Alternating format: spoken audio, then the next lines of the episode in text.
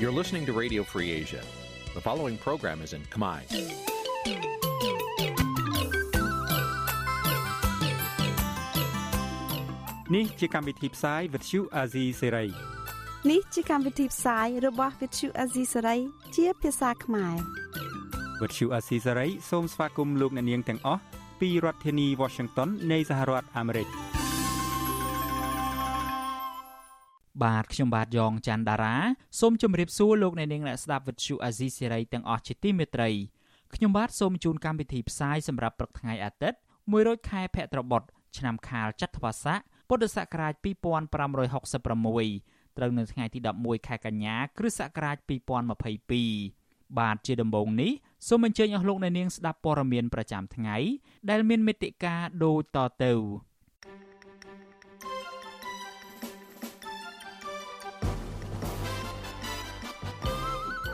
អង្គការសង្គមស៊ីវិលថាអំពើជួញដូរមនុស្សទាមទារការអនុវត្តច្បាប់តឹងរឹងអញ្ញាធមូលដ្ឋានត្អូញត្អែថាពិបាកបង្ក្រាបលបែងស៊ីសង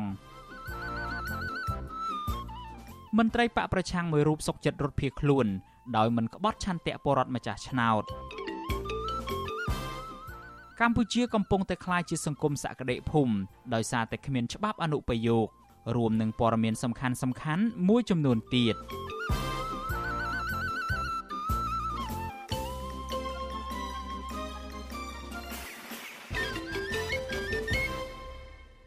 បាទជាបន្តទៅទៀតនេះខ្ញុំបាទយ៉ងច័ន្ទដារាសូមជូនព័ត៌មានទាំងនេះពិស្ដាអង្គការសង្គមស៊ីវិលលើកឡើងថា ការបង្ក្រាបអំពើជួញដូរមនុស្សគ្រប់ទម្រង់មិនអាស្រ័យទៅលើការបង្កើតក្រុមការងារបន្ថែមទៀតនោះទេ តែអាស្រ័យទៅលើការហ៊ានអនុវត្តច្បាប់ដោយតឹងរឹងនិងគ្មានអំពើពុករលួយប្រតិកម្មរបស់មន្ត្រីសង្គមស៊ីវិលនេះកើតមានឡើងក្រោយពីក្រសួងយុតិធធសម្រាប់បង្កើតក្រុមការងារចំពោះកិច្ចមួយទៀតដើម្បីប្រយុទ្ធប្រឆាំងទៅនឹងការជួញដូរមនុស្សគ្រប់ទម្រង់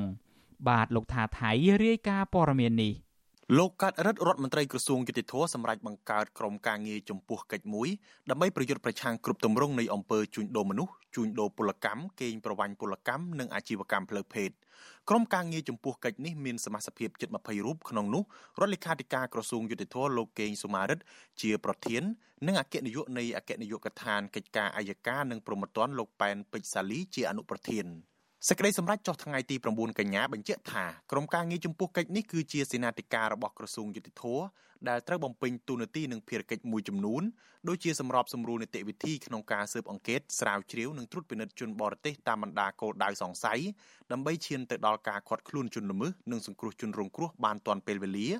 ក្រុមការងារនេះត្រូវជំរុញនិងពង្រឹងការស៊ើបអង្កេត ការចោតប្រកាន់ការស៊ើបសួរនិងការផ្ដន់ទាទោសពីបទល្មើសជួញដូរមនុស្សជួញដូរពលកម្មនិងអាជីវកម្មផ្លូវភេទឲ្យបានតឹងរឹងតាមច្បាប់និងត្រូវប្រមូលចងក្រងរបាយការណ៍អំពីលទ្ធផលការងារបន្ថែមពីនេះក្រុមការងារចំពោះកិច្ចដដែលនេះត្រូវជំរុញការស៊ើបអង្កេតការចោតប្រកាន់ការស៊ើបសួរនិងការផ្ដន់ទាទោសពីបទល្មើសសម្អាតប្រាក់ស្របតាមច្បាប់និងនីតិវិធីប្រតិបត្តិស្តង់ដារ SOP ជាធរមានដោយសហការជាមួយអាជ្ញាធរជំនាញផ្សេងទៀត ទោះជាយ៉ាងណាមន្ត្រីសង្គមស៊ីវិលហាក់មិនសូវសង្ឃឹមថាការបង្កើតក្រុមការងារបន្ថែមរបស់ក្រសួងយុតិធធនេះអាចដោះស្រាយបញ្ហាជួញដូរមនុស្សឲ្យមានប្រសិទ្ធភាពឡើយប្រសិនបើការអនុវត្តច្បាប់នៅតែទាន់ខ្សោយនិងមានអំពើពុករលួយនាយកកិច្ចការទូតនៃអង្គការលីកាដូលោកអំសំអាតមានប្រសាសន៍ថាកម្ពុជាកំពុងរងនឹងការរិះគន់ជាច្រើនពាក់ព័ន្ធនឹងបញ្ហាជួញដូរមនុស្សគ្រប់ទម្រង់ដែលនាំឲ្យប៉ះពាល់ដល់មុខមាត់ប្រទេសកម្ពុជាប៉ះពាល់ដល់ការវិនិយោគសេដ្ឋកិច្ចភ្ញៀវទេសចរបរទេសនិងអសន្តិសុខនៅក្នុងប្រទេសកម្ពុជា លោកបន្តថាការបង្កើតក្រុមការងារចំពោះកិច្ចនេះបង្ហាញថាស្ថានភាពជួញដូរមនុស្សនៅកម្ពុជាធ្ងន់ធ្ងរខុសពីការបដិសេធរបស់រដ្ឋាភិបាលកន្លងមកលោកសង្កត់ធ្ងន់ថាការបង្កើតក្រុមការងារនេះគ្រាន់តែជារូបភាពប៉ុណ្ណោះប៉ុន្តែប្រសិទ្ធភាពគឺអាស្រ័យលើការអនុវត្តច្បាប់ ការបង្កើតគណៈកម្មការច្រើន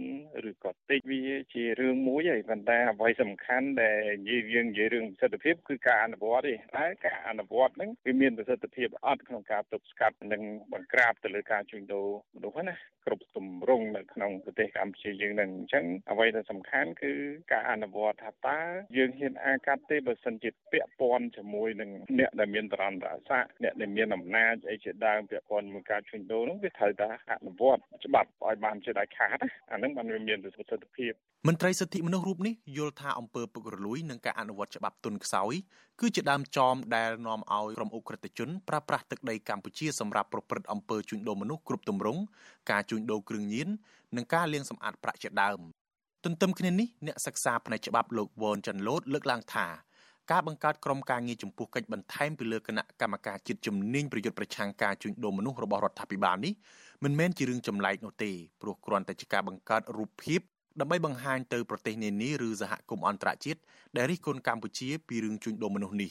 ទោះជាយ៉ាងណាលោកមើលឃើញថាការអនុវត្តជាក់ស្ដែងគឺពុំមានប្រសិទ្ធភាពនោះទេប្រសិនបើរដ្ឋាភិបាលមិនបានលុបបំបាត់អំពើពុករលួយ និងពង្រឹងការអនុវត្តច្បាប់ដូចជាច្បាប់គ្រប់គ្រងជនអន្តោប្រវេសន៍ជាដើមបើ សិនបើកម្ពុជាគ្មានចំណាត់ការជាក់លាក់ការលុបបំបាត់អំពើពុករលួយទេច្បាប់នោះមានមែនប៉ុន្តែវានៅតែជាឧបសគ្គហើយมันអាចអនុវត្តឲ្យមានប្រសិទ្ធភាពដដែលទី2តកតងទៅនឹងនយោបាយបើកចំហជើងមេឃរបស់រដ្ឋាភិបាលណាខ្ញុំមើលឃើញថានោះគឺជាចំណុចគន្លឹះតែម្ដងដែលរដ្ឋាភិបាលត្រូវពិនិត្យទៅលើនយោបាយនឹងឡើងវិញពីព្រោះដូចសពថ្ងៃយើងឃើញជនបរទេសដែលចូលមកវិនិយោគមករុស្ស៊ីនៅកម្ពុជាវាមានចម្រុះមានគ្រប់បែបបាទមានទាំងអ្នកល្អហើយមានទាំងជនទុច្ចរិតបាទហើយពីច្រើនដែលយើងឃើញថាដូចជាសម្បូរជនទុច្ចរិតជនបែបម៉ាហ្វីយ៉ាច្រើនដែលយកទឹកដីកម្ពុជាជាកន្លែងផលិតគ្រឿងញៀនជាទីតាំងសម្រាប់ចែកចាយគ្រឿងញៀនក៏ដូចជាជាកន្លែងដែលសម្រាប់ការជួញដូរមនុស្សជាដើមនោះមួយរយៈចុងក្រោយនេះរដ្ឋាភិបាលកម្ពុជាជាពិសេសរដ្ឋមន្ត្រីក្រសួងមហាផ្ទៃលោកសខេងបានបង្ហាញក្តីព្រួយបារម្ភរបស់ខ្លួនពាក់ព័ន្ធនឹងការជួញដូរមនុស្សនិងការលាងលុយកខ្វក់ជាដើមដែលនាំឲ្យប៉ះពាល់ខ្លាំងដល់មុខមាត់និងផលប្រយោជន៍កម្ពុជានេះគឺជារឿងកម្រមួយដែលមន្ត្រីកម្ពុជារដ្ឋាភិបាលទទួលស្គាល់បញ្ហានិងបង្ហាញក្តីព្រួយបារម្ភបែបនេះខណៈកន្លងមករដ្ឋាភិបាល តែងតែច្រានចោលចំពោះការរិះគន់នានាទោះជាយ៉ាងណារដ្ឋាភិបាលគ្រាន់តែបង្ហាញការព្រួយបារម្ភ ប៉ុន្តែមិនទាន់បង្ហាញការអនុវត្តច្បាប់និងការបង្ក្រាបអំពើជួញដូរមនុស្សនិងការលាងសម្អាតប្រាក់ឲ្យប្រជាពលរដ្ឋអង្គការសង្គមស៊ីវិលនិងសហគមន៍អន្តរជាតិជឿទុកចិត្តនៅឡើយដោយសារចាប់បានតែជនល្មើសតូចតាចនិងខ្វះកិច្ចសហការជាមួយប្រទេសជិតខាងខ្ញុំថាថៃពីទីក្រុងមែលប៊នបាទលោកនៅនាងជាទីមេត្រីពាក់ព័ន្ធទៅនឹងបញ្ហាបាត់ល្មើសលបែងស៊ីសងឯណោះវិញអាជ្ញាធរមូលដ្ឋានត្អូញត្អែថា ពួកគេពិបាកបង្ក្រាបបនលបែងភ្នាល់ខុសច្បាប់នៅក្នុងសហគមន៍ដោយសារតែខ្វះការយកចិត្តទុកដាក់និងការឯកភាពពីមន្ត្រីថ្នាក់លើ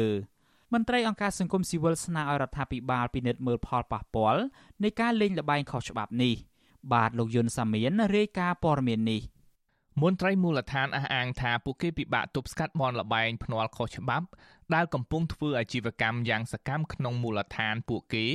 ដោយសារខ្វះការយកចិត្តទុកដាក់ពីមន្ត្រីថ្នាក់លើនិងម្ចាស់កន្លែងបនលបែងទាំងនោះអះអាងថា ពួកគេមានអាជ្ញាប័ណ្ណពីក្រសួងសេដ្ឋកិច្ចសមាជិកក្រុមប្រឹក្សាឃុំពីមឯកស្រុកឯកភ្នំខេត្តបាត់ដំបងលោកអូនសាំងជីឲ្យដឹងថាការបង្ក្រាបបនលបែងស៊ីសងក្នុងសហគមន៍មានការពិបាកព្រោះខ្វះការយកចិត្តទុកដាក់ពីថ្នាក់លើលោកបន្តថាលបែងស៊ីសងខុសច្បាប់ទាំងនោះកំពុងពង្វក់ពលរដ្ឋក្មេងចាស់គ្រប់វ័យ ដែលកំពុងញៀនលបែងឲ្យចូលលេងនៅតាមហាងកាហ្វេតូបលក់អីវ៉ាន់ជារៀងរាល់ថ្ងៃដោយគ្មានខ្លាចញញើតសមត្ថកិច្ចមូលដ្ឋានឡើយលោកសង្ស័យថាទំនងជាម្ចាស់ទីតាំងបនលបែងទាំងនោះសែនព្រេនបន់ស្រន់ឲ្យមន្ត្រីថ្នាក់លើហើយទើបអាជ្ញាធរមិនហ៊ានចុះបង្ក្រាបដូចនេះនៅខាងពីមឯកនេះ នៅភូមិកោកដូងហ្នឹងមានមកកន្លែងដែរប៉ុន្តែមិនឃើញចោះប៉លិសអីគេចោះអីផងវាអត់មានអីផងវាជាទូទៅហ្នឹងគឺត្រូវរបបប្រងថ្ងៃគាត់មានការសោកប៉ាន់អីប៉លិសអីចឹងទៅយើងពេលយើងចោះទៅវាគឺចិត្តគេបាច់បាំងបាច់បាំងទៅទាំងមិនប្រគិតថាត្រូវធ្វើយ៉ាងម៉េចស្រដៀងគ្នានេះដែរជំទុកទី2ឃុំតាពូងស្រុកថ្មគូលខេត្តបាត់ដំបងកញ្ញាទុយកំលាក់ ឲ្យដឹងនៅថ្ងៃទី10ខែកញ្ញាថាទោះបីកញ្ញាបានលើកយកបញ្ហាអាជីវកម្មលបែងខុសច្បាប់នេះទៅជជែកនៅក្នុងកិច្ចប្រជុំប្រចាំខែក្តីក៏អាជីវកម្មខុសច្បាប់មួយនេះនៅតែមានសកម្មភាពដដែល កញ្ញាបន្តថាអាញាធរមានសមត្ថកិច្ចក្នុងមូលដ្ឋានហាក់គ្មានគោលជំហរចុះបង្ក្រាបបនលបែងស៊ីសងទាំងនោះឡើយនិងមិនដោយឲ្យបនលបែងទាំងនោះពង្រីកបន្តពីមួយកន្លែងទៅមួយកន្លែងទៀត អ្វីដែលយើងលើកឡើងនិយាយគេមិនសូវតែបានចាប់អារម្មណ៍មួយយើងទេអញ្ចឹងយើងវាសម្លេងតិចគេសម្លេងច្រើន គេមិនដែលសូវយកពាក្យសម្ដីយើងទៅអនុវត្តតែអាលបែងដែលបងលើកឡើងហ្នឹងទាំងស្មានអីលើកឡើងហ្នឹងឃើញឲ្យមេភូមិចោះហ្នឹងប៉ុន្តែមិនដឹងថាចោះហ្នឹងវាមានប្រសិទ្ធភាពអត់ទេតាក់ទងរឿងនេះអធិការនគរបាលស្រុកថ្មគូលលោកសេងលុចឲ្យដឹងថាកន្លងមកសមត្ថកិច្ចបានចុះបង្ក្រាបនិងបិទបនលបែងខុសច្បាប់តាមកន្លែងមួយចំនួនរួចមកហើយ លើកលែងតែបនលបែងអនឡាញលូតូដែលបើកនៅតាមហាងកាហ្វេនិងតូបលក់ទំនិញលោកអះអាងថាបនលបែងលូតូអនឡាញទាំងនោះសុទ្ធតែមានអាជ្ញាប័ណ្ណចេញពីក្រសួងសេដ្ឋកិច្ចនិងហិរញ្ញវត្ថុ ពាក់ព័ន្ធអាលបែងហ្នឹងវាមានភាគមានលបែងណាណែមានច្បាប់ទេប៉ុន្តែមានលបែងអនឡាញអាឡូតូហ្នឹងគេមានអាជ្ញាប័ណ្ណគេអញ្ចឹងធ្លាប់ត្រួតពិនិត្យមានអាជ្ញាប័ណ្ណតែផុតពីនឹងដែលមិនមានអាជ្ញាប័ណ្ណឬគឺខុសច្បាប់ទាំងអស់ហើយខ្ញុំមិនដឹងដែរប៉ុន្តែខ្ញុំឃើញគេមានអាជ្ញាប័ណ្ណចុះហត្ថលេខាការអនុញ្ញាតអីពីក្រសួងសេដ្ឋកិច្ចហិរញ្ញវត្ថុអាជ្ញាប័ណ្ណបច្ចុប្បន្នបនលបែងស៊ីសងក៏ច្បាប់ជាច្រើនប្រភេទកំពុងធ្វើសកម្មភាព ហើយមិនមានការបង្ក្រាបពីអាជ្ញាធរនៅទីនោះឡើយ ម្ចាស់បនលបែងទាំងនោះតែមានទំនាក់ទំនងស្និទ្ធជាមួយអាជ្ញាធរនិងបង់ថ្លៃសេវាឲ្យសមត្ថកិច្ចប្រចាំខែក្នុងនោះបនលបែងខ្លះបានទិញចម្លងអាជ្ញាប័ណ្ណคล้ายคล้ายពីក្រុមហ៊ុនដែលទទួលបានអាជ្ញាប័ណ្ណពីរដ្ឋាភិបាលដើម្បីជ្រកក្រោមស្លាកយីហោក្រុមហ៊ុនធ្វើខែលការពារជុំវិញរឿងនេះមន្ត្រីសម្របសម្រួលផ្នែកឃ្លាំមើលការរំលោភសិទ្ធិមនុស្សនៃអង្គការលីកាដូប្រចាំខេត្តបាត់ដំបង លោកអិនគង់ចិត្តលើកឡើងថាគណៈកម្មការគ្រប់គ្រងលបែងពាណិជ្ជកម្មកម្ពុជាគួរបញ្ឈប់ផ្ដល់អាជ្ញាប័ណ្ណដល់ក្រុមហ៊ុនលបែងទាំងនោះលោកមើលឃើញថាវត្តមានលបែងទាំងនោះបានបង្កឲ្យមានវិបត្តិនិងផលប៉ះពាល់ជាច្រើនក្នុងសង្គមជាពិសេសប៉ះពាល់ដល់គោលនយោបាយភូមិឃុំមានសវត្ថិភាពលបែងតាមអនឡាញនេះវាមាន ផលប៉ះពាល់ពីរទី1វាប៉ះពាល់ទៅលើការប្រកបការងារនិងជីវភាពរស់នៅរបស់ប្រជាពលរដ្ឋហើយទី2វាប៉ះពាល់ទៅនឹងភូមិឃុំមានសវត្ថភាពដែលកន្លងមករដ្ឋាភិបាលក្រសួងមហាផ្ទៃបានដាក់ចេញនៅវិធានការដើម្បីឲ្យមានភូមិឃុំមានសវត្ថភាពណាក្នុងរយៈពេល2ឆ្នាំចុងក្រោយនេះប្រជាពលរដ្ឋសង្កេតឃើញមានបនលបែងស៊ីសងគ្រប់ប្រភេទ ជាពិសេសលបែងអនឡាញខុសច្បាប់រីករាលដាលដោយផ្សិតនៅក្នុងមូលដ្ឋានដែលពួកគេរស់នៅការកើនឡើងនឹងផ្ដល់សេរីភាពពេញទំហឹងឲ្យលបែងទាំងនោះដំណើរការត្រូវបានប្រជាពលរដ្ឋសង្ស័យថាមានការចូលដៃជើងពីសំណាក់អាជ្ញាធរតាមរយៈការទទួលសំណូកលៀបសការៈឬម្ចាស់អាជីវកម្មមានអ្នកធំ និងអ្នកមានអំណាចនៅចាំកាំងពីក្រោយខ្ញុំយុនសាមៀនវិទ្យុអាស៊ីសេរីប្រធានាធិបតី Washington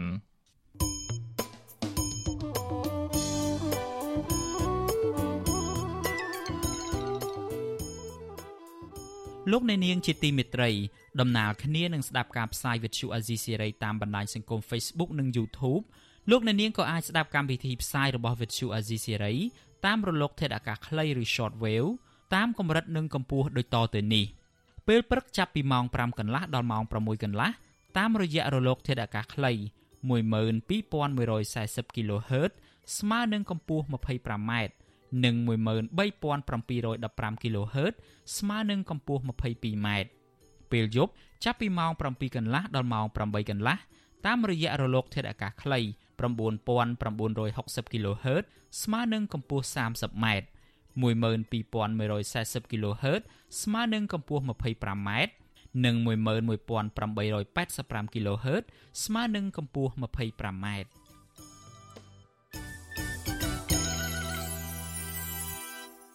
បាទលោកអ្នកនាងជាទីមេត្រីពាក់ព័ន្ធទៅនឹងបញ្ហានយោបាយវិញ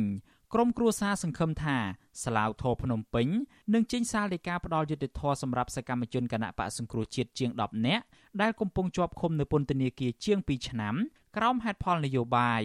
ការលើកឡើងនេះគឺបន្ទាប់ពីតុលាការគ្រងប្រកាសសាលដីកាលើបណ្ដឹងសារទុករបស់សកម្មជនបកប្រឆាំងទាំងនោះនៅថ្ងៃទី13ខែកញ្ញាខាងមុខ មន្ត្រីសង្គមស៊ីវិលជំរុញឲ្យរដ្ឋាភិបាលដោះស្រាយវិវាទនយោបាយនេះឲ្យបានឆាប់ដើម្បីឆ្លើយតបទៅនឹងសំណើរបស់សហគមន៍អន្តរជាតិឲ្យមានប្រសិទ្ធភាពបាទសំលោកអ្នកនាងស្ដាប់សេចក្តីរាយការណ៍នេះរបស់លោកជាតិចំណានដូចតទៅស្លាវតោភ្នំពេញនឹងប្រកាសសាលដីកាលើបណ្ដឹងសារទុករបស់សកម្មជនគណបកប្រឆាំងជាង10នាក់នៅថ្ងៃទី13ខែកញ្ញាជុំវិញសំណុំរឿងរួមគំនិតក្បត់និងញុះញង់តាក់ទងការបង្កើតចលនាសង្គ្រោះជាតិនៅក្រៅប្រទេសរបស់លោកសំរងស៊ីកាលពីឆ្នាំ2018 ក្រុមគ្រួសារសកម្មជនទាំងនោះនៅតែចាត់ទុកករណីចាប់និងផ្ដន្ទាទោសប្តីនិងឪពុកពីសំណាក់តុលាការជាន់ទាបកន្លងមកគឺជារឿងអយុត្តិធម៌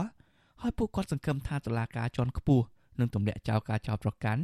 និងដោះលែងសកម្មជននយោបាយទាំងអស់ឲ្យមានសេរីភាពបានជួបជុំក្រុមគ្រួសារឡើងវិញប្រសិនបើតុលាការមិនស្ថិតក្រោមសម្ពាធរបស់គណៈបកកណ្ដាលអំណាចពីព្រោះគ្រួសារពួកគេមិនបានប្រព្រឹត្តបទល្មើសនោះទេប្រពន្ធសកម្មជនគណៈបកសង្គ្រោះជាតិនៅខេត្តស្វាយរៀង ដែលកំពុងជាប់ពន្ធនាគារនៅទំពាំង plong លោកយឹមសារ៉េតគឺលោកស្រីអុកចន្ទធីប្រាប់វិសុអេស៊ីស្រីនៅថ្ងៃទី10ខែកញ្ញាថាដំណើរការសវនាការរបស់ស្លាវតូថ្មីថ្មីនេះតុលាការពុំមានផុសតាងបង្ហាញថាប្តីលោកស្រីនិងសកម្មជនផ្សេងទៀតមានទោសកំហុសអ្វីឡើយប្រពន្ធសកម្មជនគណៈបកប្រឆាំងរូបនេះរៀបរាប់ថាកន្លងមកការសម្រេចរបស់តុលាការបានធ្វើឲ្យប្តីពួកលោកស្រីទទួលការឈឺចាប់នៅក្នុងគុករាប់ឆ្នាំទាំងអស់ដោយអយុត្តិធម៌គណៈគ្រួសារនិងសាច់ញាតិដែលចេញតវ៉ានឹងដាក់ញត្តិ ស្វែងរកកិច្ចអន្តរាគមន៍ពីស្ថាប័នពាក់ព័ន្ធវិញក៏ត្រូវអាជ្ញាធររារាំងជេរប្រមាថនិងប្រើហិង្សាបណ្ដាឲ្យរងរបួសជាហូរហែលោកស្រីស្នើឲ្យតុលាការអនុវត្តច្បាប់ដោយឯករាជ្យដើម្បីផ្ដល់ភាពយុត្តិធម៌ដល់ពលរដ្ឋដោយមិនត្រូវស្ថិតក្រោមការបញ្ជារបស់អ្នកនយោបាយនោះទេក្នុងជីវភាពគ្រួសារព្រោះអីម្នាក់ម្នាក់ហ្នឹងគឺពិបាកខ្លាំងមែនទែនមិនថាគ្រួសារមីឬគ្រួសារណាណាទេឲ្យតែមានស្វាមីក្រុមគ្រួសារជាប់ឃុំហើយគឺ ជីវភាពប៉ះពាល់ខ្លាំងមែនទែនហ្មងកូនបាត់បង់ការសិក្សាហើយសពបែបសពយ៉ាងចឹងហើយសូមឲ្យតុលាការស្លាតនឹងកាត់តម្រឹមហើយនឹងដោះលែងពួកគាត់ឲ្យមានសិទ្ធិសេរីភាពនៅថ្ងៃទី13នេះស្រដៀងគ្នានេះដែរប្រពន្ធសកម្មជនគណៈបកប្រឆាំងដែលកំពុងជាប់ឃុំក្នុងពន្ធនាគារត្រពាំង plong ម្នាក់ទៀតលោកញ៉ែមវៀនគឺលោកស្រីពៅសរនថ្លែងថាប្តីលោកស្រី តែងតែទទួលការគោរពស្រឡាញ់ពីអ្នកភូមិដោយសារតែគាត់ជាមនុស្សស្អាតស្អំនិងបំពេញការងារជូនពលរដ្ឋ និងសង្គមដោយមិនខ្លាចការនឿយហត់នោះឡើយប៉ុន្តែលោកស្រីឲ្យដឹងថាក្រោយពេលដែលគណៈបកសង្គ្រោះជាតិរំលាយប្តីលោកស្រីធ្វើការងាររកប្រាក់ជួយគ្រួសារប្រចាំថ្ងៃដោយគាត់មិនបានប្រព្រឹត្តបទល្មើសដោយការចោទប្រកាន់របស់តុលាការនោះទេផ្ទុយទៅវិញលោកស្រីថាអាញាធររបស់គណៈបកកណ្ដាលអំណាចបែរជាចាប់ខ្លួនប្តីលោកស្រីដាក់គុកនិងត្រូវគេវាយធាក់ក្នុងពន្ធនាគាររហូតដល់រងរបួសធ្ងន់ធ្ងរថែមទៀតលោកស្រីស្នើសុំឲ្យតុលាការដោះលែងប្តីឲ្យមានសេរីភាពឡើងវិញ ដើម្បីឲ្យគាត់បានទៅព្យាបាលរបួសនិងជួបជុំគ្រួសារក្នុងឱកាសបុណ្យភ្ជុំបិណ្ឌខាងមុខសំណពរដោះលែងគាត់ទៅគាត់ចាស់ចាស់ហើយគាត់អ៊ំឲ្យគាត់មកជួបជុំពួនកូនធ្វើបុណ្យធ្វើទានគេផងខែបុណ្យខែទានគេបុណ្យគេទៅពួនកូនគេជុំគ្នាខ្ញុំឯងគាត់ចាស់ហើយអត់មានទុកកំហុសអីទេមិនដូច គេចោទប្រកាន់ថាទុកក្បត់ទុកអីអត់មានទេអ្នកអន្តរភូមិគេឆ្លាញ់រាប់អានគេសួរនាំរហូតកាលពីចុងខែសីហាអ្នករាយការណ៍ពិសេសរបស់អង្គការសហប្រជាជាតិប្រចាំកម្ពុជាលោកវិទិតមន្តបនថ្លែងក្រោយពេលបិទបញ្ចប់បេសកកម្មរបស់លោកដោយផ្ដោតសំខាន់លើការស្នើឲ្យរដ្ឋាភិបាលកម្ពុជាពន្យាការកែតម្រង់ប្រព័ន្ធតុលាការដើម្បីការពារសិទ្ធិសេរីភាពពលរដ្ឋនិងត្រូវដោះលែងសកម្មជនគណៈបកនយោបាយដែលកំពុងជាប់ឃុំឲ្យមានសេរីភាពឡើងវិញ ជាមួយគ្នានេះលោកក៏អំពាវនាវដល់រដ្ឋាភិបាលកម្ពុជាឲ្យបើកលំហសេរីភាពសង្គមស៊ីវិលនិងនយោបាយក្នុងនោះក៏រាប់បញ្ចូលទាំងការលុបចោលនិងការកែតម្រង់ច្បាប់នានាដែលរដ្ឋបិទសេរីភាពពលរដ្ឋផងដែរវិសុអស៊ីសេរីមិនអាចតាក់ទងแนะនាំពាក្យស្លាវតោភ្នំពេញដើម្បីបញ្ជាក់ជុំវិញរឿងនេះបានទេនៅថ្ងៃទី10ខែកញ្ញាជុំវិញរឿងនេះប្រធានសមាគមការពារសិទ្ធិមនុស្សអាត់ហុកលោកនីសុខាមានប្រសាសន៍ថាសហគមន៍ជាតិនិងអន្តរជាតិនៅតែចាត់ទុករឿងក្តីក្តាំងនេះ ថាជាវិវាទនយោបាយដែលមិនមែនជាការអនុវត្តច្បាប់នោះទេមន្ត្រីសង្គមស៊ីវិលរូបនេះមើលឃើញថារហូតមកដល់ពេលនេះស្ថានភាពអ្នកនយោបាយរវាងបកកាន់អំណាចនិងបកប្រឆាំងមិនទាន់មានសញ្ញាណាមួយដើម្បីចូលតុចរចាដោះស្រាយបញ្ហានយោបាយឲ្យបានធូរស្រាលនៅឡើយដូច្នេះលោកមិនសង្ឃឹមថាតុលាការនឹងដោះលែងសកម្មជននយោបាយទាំងនោះនៅថ្ងៃប្រកាសសាលដីកាខាងមុខនេះទេទោះជាយ៉ាងណាលោកនីសុខាចង់ឃើញរដ្ឋាភិបាលបង្ហាញឆន្ទៈពិតប្រាកដ ក្នុងការឆ្លើយតបចំពោះការលើកឡើងរបស់អង្គការជាតិនិងអន្តរជាតិជាពិសេសសហគមន៍អឺរ៉ុបអាមេរិកដើម្បីមុខមាត់កម្ពុជានិងបញ្ជាសម្ពាធនានាបន្ថែមទៀតពីអន្តរជាតិ ណើរបស់សាច់ញាតិរបស់អ្នកជាប់ឃុំទាំងអស់ហ្នឹងគឺมันមានអ្វីខុសទេវាស្របទៅនឹងអ្វីដែលការលើកឡើងរបស់អ្នករាយការណ៍ពិសេសរបស់អង្គការសហជាតិថ្មីថ្មីហ្នឹងលោកប្រទីបហ្នឹងក៏បានលើកអំពីបញ្ហាហ្នឹងដែរថាគេចង់ឃើញមុនពេលបោះឆ្នោត2023នេះគេចង់ឃើញឲ្យរដ្ឋាភិបាលហ្នឹងធ្វើការដោះលែងនិងទម្លាក់ចោលរាល់ការចោទប្រកាន់ទៅលើសកម្មជននយោបាយសកម្មជនផ្សេងផ្សេងទាំងអស់ហ្នឹងឲ្យមានសេរីភាពឡើងវិញដើម្បីហ៊ានទៅចូលរួមក្នុងការប្រកួតប្រជែងការបោះឆ្នោត2023នេះឲ្យវាមានលក្ខណៈមួយថាថាសេរីនៅក្នុងការប្រកួតប្រជែងមកដល់ពេលនេះមានសកម្មជនគណៈបកប្រឆាំងអ្នករិះគន់រដ្ឋាភិបាលជាង60នាក់ទៀតកំពុងជាប់ឃុំក្នុងពន្ធនាគារដោយសារតែការអនុវត្តសិទ្ធិសេរីភាពរបស់ខ្លួនពួកគេភ័យច្រើនត្រូវបានអាជ្ញាធរចាប់ខ្លួនជាបន្តបន្ទាប់កាលពីដើមឆ្នាំ2020តុលាការបានចាប់ប្រកាន់ពួកគេដូចដូចគ្នាពីបទរួមគំនិតក្បត់ញុះញង់ឲ្យយោធិនមិនស្ដាប់បង្គាប់ញុះញង់ឲ្យប្រព្រឹត្តបទអក្រិតជាអាតនិងញុះញង់ឲ្យមានភាពវឹកវរធ្ងន់ធ្ងរដល់សន្តិសុខសង្គមកាលពីដើមខែមីនា សាលាដំបងរាជធានីភ្នំពេញបានផ្តន្ទាទោសពួកគេជាបន្តបន្ទាប់ឲ្យជាប់ពន្ធនាគារចន្លោះពី5ឆ្នាំទៅ7ឆ្នាំប៉ុន្តែសកម្មជននយោបាយខ្លះតម្រូវឲ្យអនុវត្តទោស3ឆ្នាំ8ខែដោយទោសនៅសល់ត្រូវព្យួរក្រុមអង្គការជាតិអន្តរជាតិជាច្រើនស្ថាប័នរួមទាំងទីភ្នាក់ងារអង្គការសហប្រជាជាតិនិងក្រមប្រទេសប្រជាធិបតេយ្យធំធំ បានថ្កោលទោសជាបន្តបន្ទាប់ចំពោះរដ្ឋាភិបាលលោកហ៊ុនសែនដោយចាត់ទុកថាការចាប់ខ្លួនទាំងនេះគឺជារឿងនយោបាយនិងគ្មានមូលដ្ឋានច្បាប់ ពួកគេបន្តទាមទាររដ្ឋាភិបាលដោះលែងអ្នកជាប់ឃុំទាំងនោះឲ្យមានសេរីភាពឡើងវិញដោយឥតលក្ខខណ្ឌខ្ញុំបាទជាជំនាញ Visual Assisray ប្រធានាទី Washington លោកអ្នកនាងជាទីមេត្រីមន្ត្រីជាន់ខ្ពស់គណៈបកសង្គ្រោះជាតិលោកជាជីវរួមទាំងប្រពន្ធនិងកូនកូន5នាក់ផង បានភៀសខ្លួនទៅនៅប្រទេសថៃដើម្បីកិច្ចពីការប៉ុនប៉ងចាប់ខ្លួនដោយសមត្ថកិច្ចរដ្ឋាភិបាលលោកហ៊ុនសែនជីវិតជាជនភៀសខ្លួននយោបាយដូចនេះ គ្រួសាររបស់លោកជាជីវប្រឈមការលំបាកស្ទើរសពបែបយ៉ាងដូចជាការចំណាយប្រចាំថ្ងៃទាំងគ្មានការងារធ្វើនិងការបារម្ភពីបញ្ហាសុវត្ថិភាពជាដើមទោះជាយ៉ាងនេះក្តីមន្ត្រីគណៈបកកណ្ដាលអំណាចចោទប្រកាន់ថាការរត់គេចខ្លួនរបស់មន្ត្រីបកប្រឆាំងរូបនេះពីព្រោះដឹងថាខ្លួនបានប្រព្រឹត្តល្មើសច្បាប់ទើបមិនហ៊ានបន្តរស់នៅស្រុកខ្មែរបាទលោកអ្នកនាងនឹងបានស្ដាប់សេចក្តីរាយការណ៍នេះពឺស្ដានៅក្នុងការផ្សាយរបស់យើងនាពេលបន្តិចទៀតនេះ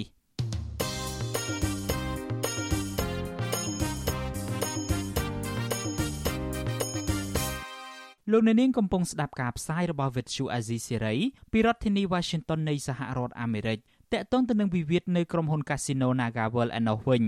ក្រុមកោតក្រ NagaWorld ប្រមាណ100នាក់បន្តធ្វើកោតកម្មទាមទារដំណោះស្រាយវិវាទការងារបើទោះបីជារងការគំរាមកំហែងយ៉ាងណាក្តី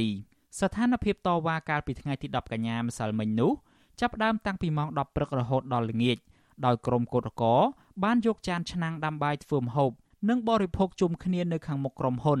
ដែលជាសកម្មភាពតស៊ូមតិដោយសន្តិវិធីនៅក្នុងការជំរុញឲ្យក្រុមហ៊ុនផ្ដល់ដំណោះស្រាយជូនពួកគាត់ក្រៅពីនេះពួកគាត់នាំគ្នាទុងស្គរផ្លុំត្រែលើកបដា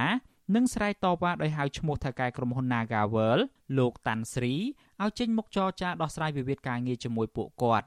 ទោះជាយ៉ាងណាថៅកែក្រុមហ៊ុននិងអាជ្ញាធរពាក់ព័ន្ធនៅតែរក្សាភាពស្ងៀមស្ងាត់ ក៏ប៉ុន្តែបានដាក់ពង្រាយកម្លាំងសន្តិសុខជាច្រើន និងបិទបារះនៅខាងមុខដើម្បីរារាំងកុំឲ្យក្រុមកុតកោចូលខាងក្នុងក្រុមហ៊ុនអញ្ញាធរក៏បានចុះទៅព្រមានឲ្យក្រុមកោតក្របញ្ឈប់ការដាំស្លនៅខាងមុខក្រុមហ៊ុនបើពុំនោះទេនឹងត្រូវរឹបអូសយកចានឆ្នាំងកោតក្រ Nagawal ម្នាក់អ្នកនាងមុំសវត្ថិនរៀបរាប់ទាំងទួញសោកថាការប្រងើយកន្តើយរបស់ក្រុមហ៊ុននិងអាជ្ញាធរពាក់ព័ន្ធនៅក្នុងការផ្ដល់ដំណោះស្រាយជូនពួកគាត់នេះគឺជាការរំលោភសិទ្ធិ និងជាការជន់ឈ្លីច្បាប់ការងារកម្ពុជា ទន្ទឹមគ្នានេះអ្នកនាងរៀបរាប់ថាអាញាធរនឹងជន់ស្លៀកពាក់ស៊ីវិលនៅតែបន្តគំរាមកំហែងរូបគាត់និងកោតក្រដតីទៀតពីការប៉ុនប៉ងធ្វើបាប និងការចាប់ខ្លួនជាដើមមកយើងពួកអជនស៊ីវិលនឹងវាថាវាថាខ្ញុំចិត្តតែគេចាប់ខ្លួនហើយវាថាចិត្តដល់ព្រៀមខ្លួនហើយជិះខ្ញុំយើងមានក្រុមអាញាធរប្រចាំខណ្ឌការមកហ្នឹង គេមកសំណូកកឲ្យយើងហ្នឹងអត់អាចដាំបាយនៅហ្នឹងទៀតទេខ្ញុំគាត់ថាពួកខ្ញុំនឹងមកទៀមទាដំណោះស្រាយរងចាំតកែដំណោះស្រាយនឹងគាត់បានដែរចង់ពីម្សិលមិញឥឡូវថ្ងៃនឹងទៀតចង់រឹបអស់ឆ្នាំបាយពួកខ្ញុំពួកពួកយើងមិនធ្វើឲ្យខុសទេពួកគាត់គ្មានមេត្រាណាមកមេត្រាណា តកតងទៅនឹងវិវាទការងាររវាងបុគ្គលិកនិងក្រុមហ៊ុន Casino Naga World នេះដែរថ្នាក់ដឹកនាំសហជីពនិងសមាគមដែលធ្វើការងារនៅក្នុងវិស័យការងារសរុប400នាក់នឹងជួបជុំនៅមុខក្រសួងការងារនៅព្រឹកថ្ងៃទី11ខែកញ្ញា ដើម្បីស្នើសុំឲ្យក្រសួងដោះស្រាយបញ្ចប់វិវាទការងារនេះដោយទទួលយកថ្នាក់ដឹកនាំនិងសមាជិកសហជីពជាង150នាក់ចូលធ្វើការងារវិញជាមួយប្រាក់រំលឹកទូទាត់សំណងឲ្យបានត្រឹមត្រូវតាមច្បាប់ព្រមទាំងលុបចោលបទចោទប្រកាន់លើថ្នាក់ដឹកនាំនិងសកម្មជនសហជីពចំនួន15នាក់ផងដែរក្រៅពីនេះថ្នាក់ដឹកនាំសហជីពនិងសមាគមទាំងនោះក៏ស្នើសុំឲ្យដោះស្រាយសំណុំរឿងថ្នាក់ដឹកនាំសហជីពចំនួន31ករណីផ្សេងទៀតដែលកើតឡើងនៅតាមស្ថាប័នផ្សេងផ្សេង គិតមកទល់ពេលនេះក្រុមកោតក្រ Nagawal បានធ្វើកោតកម្មជាង9ខែហើយក៏ប៉ុន្តែពុំទាន់ទទួលបានដំណោះស្រាយនៅឡើយទេផ្ទុយទៅវិញភាគីក្រុមហ៊ុននិងអាជ្ញាធរបានរួមគ្នាចោទប្រកាន់និងចាប់ខ្លួនតំណាងក្រុមកម្មករជាង10នាក់ដាក់ពន្ធនាគារហើយថែមទាំងប្រើហិង្សាឥតឈប់ឈរទៅលើក្រុមកោតក្រដែលភ ieck ច្រើនជាស្ត្រីនោះបណ្ដាលឲ្យរងរបួសធ្ងន់និងស្ត្រីម្នាក់រលូតកូនក្នុងផ្ទៃផង ក្រុមកោតក្រនិងអ្នកខ្លាំមើលចាត់ទុកថាទង្វើរបស់រដ្ឋាភិបាលនិងក្រុមហ៊ុននេះគឺជាការរំលោភសិទ្ធិស្ត្រីដែលផ្ទុយពីគោលនយោបាយរដ្ឋាភិបាលលើសពីនេះទៅទៀតពួកគាត់យល់ឃើញថារដ្ឋាភិបាលនិងក្រុមហ៊ុន មានផលប្រយោជន៍រួមគ្នាទើបខំការពារគ្នាទៅវិញទៅមកដោយមិនខ្វល់អំពីច្បាប់ការងារនិងទុកលំបាករបស់កោតក្រដែលភាគច្រើនជាស្ត្រីនោះឡើយលោកអ្នកនាងជាទីមេត្រី វិទ្យុអាស៊ីសេរីសូមជូនដំណឹងថាយើងគ្មានអ្នកយកព័ត៌មានប្រចាំនៅប្រទេសកម្ពុជាទេប្រសិនបើមានជនណាម្នាក់អះអាងថាជាអ្នកយកព័ត៌មានឲ្យវិទ្យុអាស៊ីសេរីនៅកម្ពុជានោះគឺជាការក្លែងបន្លំយកឈ្មោះអាស៊ីសេរីទៅប្រើនៅក្នុងគោលបំណងទុច្ចរិតណាមួយរបស់បុគ្គលនោះតែប៉ុណ្ណោះបាទសូមអរគុណ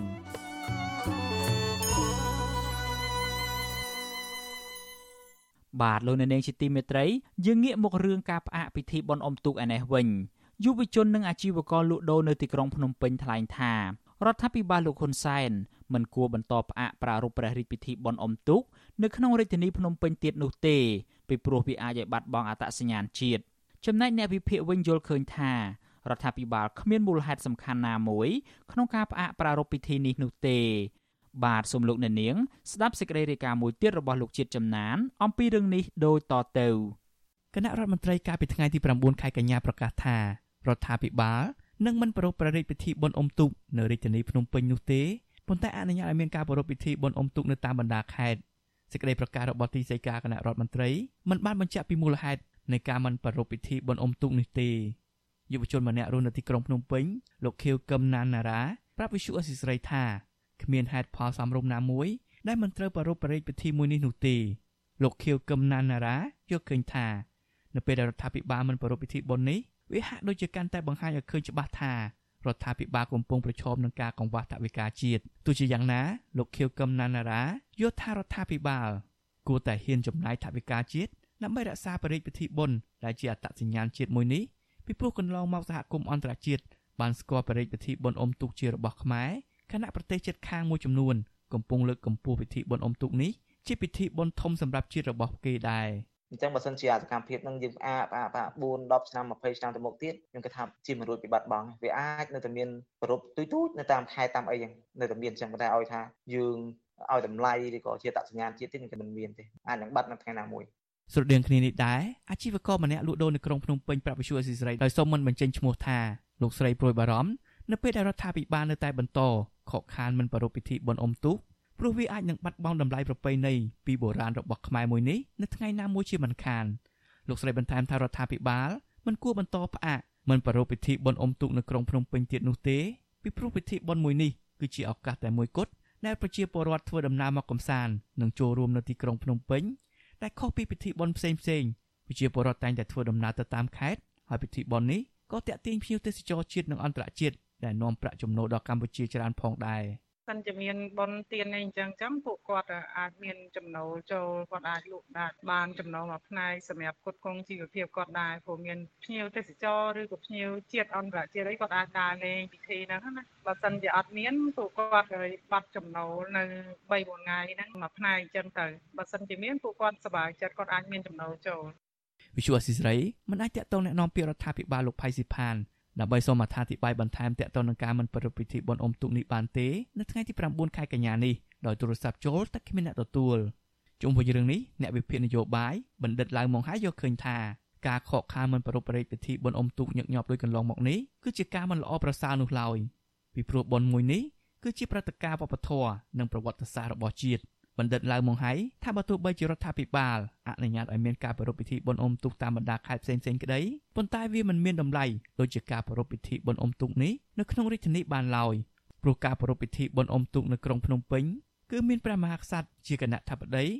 ហើយពិធីបុណ្យនេះក៏ជាការបង្ហាញឯកភាព សាមគ្គីភាព និងអត្តសញ្ញាណជាតិដែរលោកបណ្ឌិតយល់ឃើញថារដ្ឋាភិបាលហាក់ដូចជាខ្លាចការប្រមូលផ្ដុំទ្រង់ទ្រាយធំជាជាងការបង្ជាជាងការបង្ការកុំឲ្យមានការរីករាលដាលជំងឺ Covid-19 ទើបមិនប្រារព្ធពិធីបុណ្យនេះនៅទីក្រុងភ្នំពេញបើគេយកពិធីការបែបអញ្ចឹងគឺការហាមឃាត់យឹកញយបាទប្រហែលឆ្នាំនេះបាទគេអាចសន្និដ្ឋានថាមានការខ្លាចមិនឲ្យប្រជាពលរដ្ឋនឹងគឺជួបជុំគ្នានៅទីកន្លែងតែមួយគិតត្រឹមរយៈពេល12ឆ្នាំចុងក្រោយនេះកម្ពុជាខកខានការប្រារព្ធពិធីបុណ្យអុំទូក7ដងរួចមកហើយ នេះបើរាប់បញ្ចូលការមិនប្រារព្ធពិធីបុណ្យអុំទូកនៅឆ្នាំ2022នេះកាលពីឆ្នាំ2020និង2021រដ្ឋាភិបាលសម្រេចមិនប្រារព្ធពិធីបុណ្យនេះដោយហេតុផលបង្ការកុំឲ្យរីករាលដាលជំងឺ Covid ដោយឡែកឆ្នាំ2013រដ្ឋាភិបាលបានសម្រេចមិនប្រារព្ធពិធីបុណ្យអុំទូកដោយសំអាងហេតុផលជាឆ្នាំបោះឆ្នោតជាតិចំណែកឆ្នាំ2015ស្ថិតក្នុងស្ថានភាពនយោបាយពុះកញ្ជ្រោលនោះរដ្ឋាភិបាលលើកយកមូលហេតុកម្ពស់ទឹកនៅសល់ទាបពេកទើបមិនអាចប្រារព្ធពិធីបុណ្យនេះបាន ខ្ញុំបាទចិត្តចំណាន Visual Assisray ប្រធានាទី Washington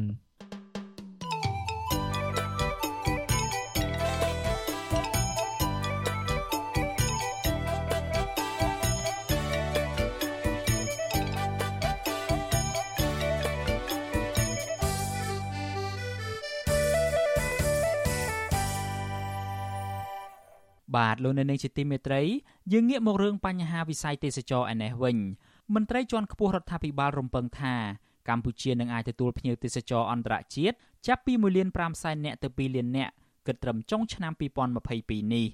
ការព្យាករណ៍នេះគឺស្របពេលបច្ចុប្បន្នកម្ពុជាកំពុងទទួលបានភ្ញៀវទេសចរចំនួនជិត1លាននាក់ដោយគិតត្រឹមរយៈពេល8ខែនៅក្នុងឆ្នាំ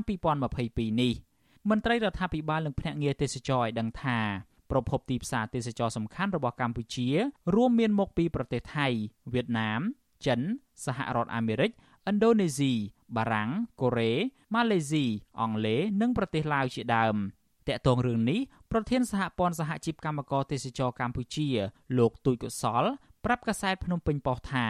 ការព្យាករណ៍នេះអាចឬមិនអាចទៅរួចអាស្រ័យទៅលើកត្តាមួយចំនួនពីព្រោះប្រទេសកម្ពុជានៅតែបន្តមានជំងឺ Covid-19 នៅឡើយហើយគោលនយោបាយតាក់ទងជាមួយជនបរទេសនៅតែមានការរឹតបន្តឹងនៅឡើយដែរ លោកបន្តថាករណីដែលអាចជោគជ័យនោះលុះត្រាតែជំងឺ Covid-19 លែងជាបញ្ហាហើយលែងមានការរឹតបន្តឹងឬត្រួតពិនិត្យតាមច្រកចេញចូលជាដើមដោយឡែករដ្ឋលេខាធិការក្រសួងទេសចរលោកតបសុភ័ក្រវិញលោកបញ្ជាក់ថាមកទល់ពេលបច្ចុប្បន្ននេះមិនមានការរឹតបន្តឹងដោយកាលពីមុនឡើយដោយគ្រាន់តែអាជ្ញាធរត្រូវការពិនិត្យការចាក់វ៉ាក់សាំងសម្រាប់ជនបរទេសដែលចូលមកកម្ពុជាលោកបន្តថាចំពោះជនបរទេសដែលមិនបានចាក់វ៉ាក់សាំងគឺតម្រូវឲ្យធ្វើតេស្តរហ័ស ហើយក្រោយមកពួកគេអាចធ្វើដំណើរទៅគ្រប់ទីកន្លែងបានរដ្ឋាភិបាលបានចាប់ផ្ដើមបើកទូលាយសម្រាប់ភ្ញៀវទេសចរចាប់តាំងពីខែវិច្ឆិកាឆ្នាំ2021រហូតមកដល់បច្ចុប្បន្ននេះ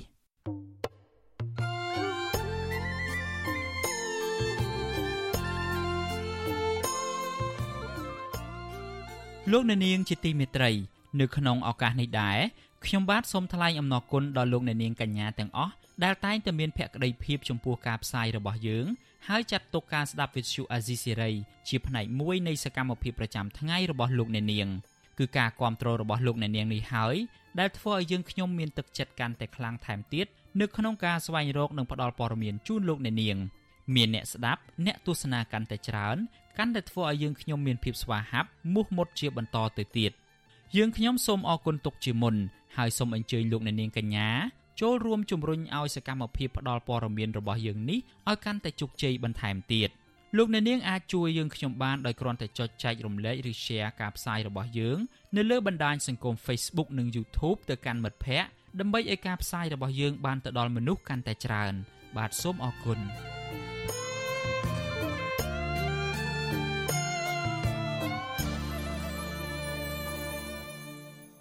បាទលោកអ្នកនាងជាទីមេត្រី ពាក់ព័ន្ធទៅនឹងបញ្ហាសម្រាមឯនេះវិញអភិបាលរាជធានីភ្នំពេញលោកខួងស្រេងលើកទឹកចិត្តឲ្យក្រុមហ៊ុនវៀតណាមចូលមកវិនិយោគនៅកម្ពុជា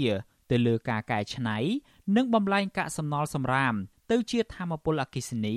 និងបំលែងទឹកកខ្វក់ទៅជាទឹកស្អាតព្រមទាំងការទុកដាក់សម្រាមបំបត្តិក្លិនជាដើមទីភ្នាក់ងារសារព័ត៌មានកម្ពុជា AKP រាយការណ៍ថា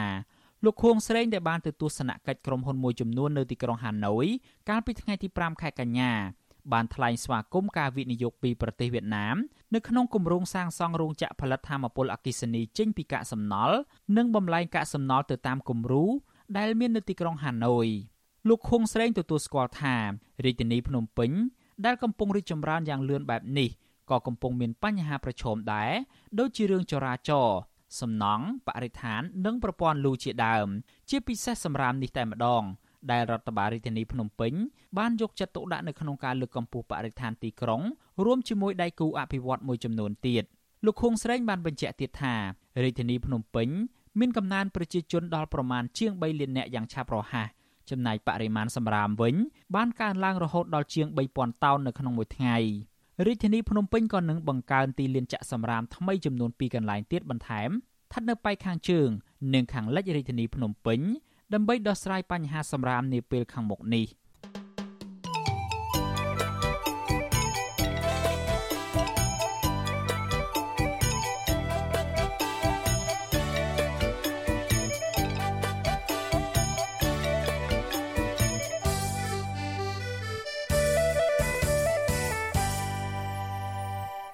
បាទលោកនាងជាទីមេត្រីជុំវិញរឿងសុខភាពកុមារឯនេះវិញ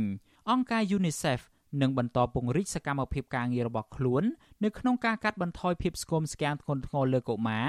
នៅក្នុងខេត្តចំនួន6បន្ថែមទៀតបន្ទាប់ពីអង្គការអន្តរជាតិមួយនេះទទួលបានជំនួយថវិកាចំនួនជាង3លាន4សែនដុល្លារពីមូលនិធិវិនិយោគលើកុមាររបស់ចក្រភពអង់គ្លេសកាលពីពេលថ្មីៗនេះអង្គការ UNICEF ឲ្យដឹងតាមរយៈសេចក្តីប្រកាសព័ត៌មានរបស់ខ្លួន កាលពីថ្ងៃទី9កញ្ញាថា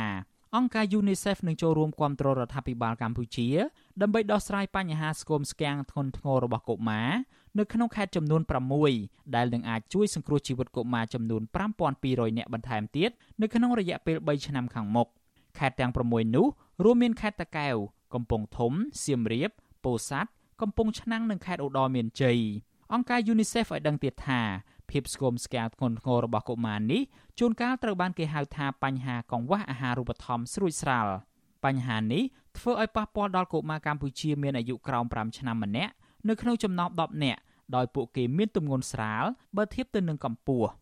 ភាពស្គមស្គាំងធ្ងន់ធ្ងរនេះជាទូទៅតាក់ទងទៅនឹងស្ថានភាពសង្គមសេដ្ឋកិច្ចគ្រួសារអសន្តិសុខស្បៀងការផ្ដល់ចំណីអាហារដល់កុមារមិនបានត្រឹមត្រូវ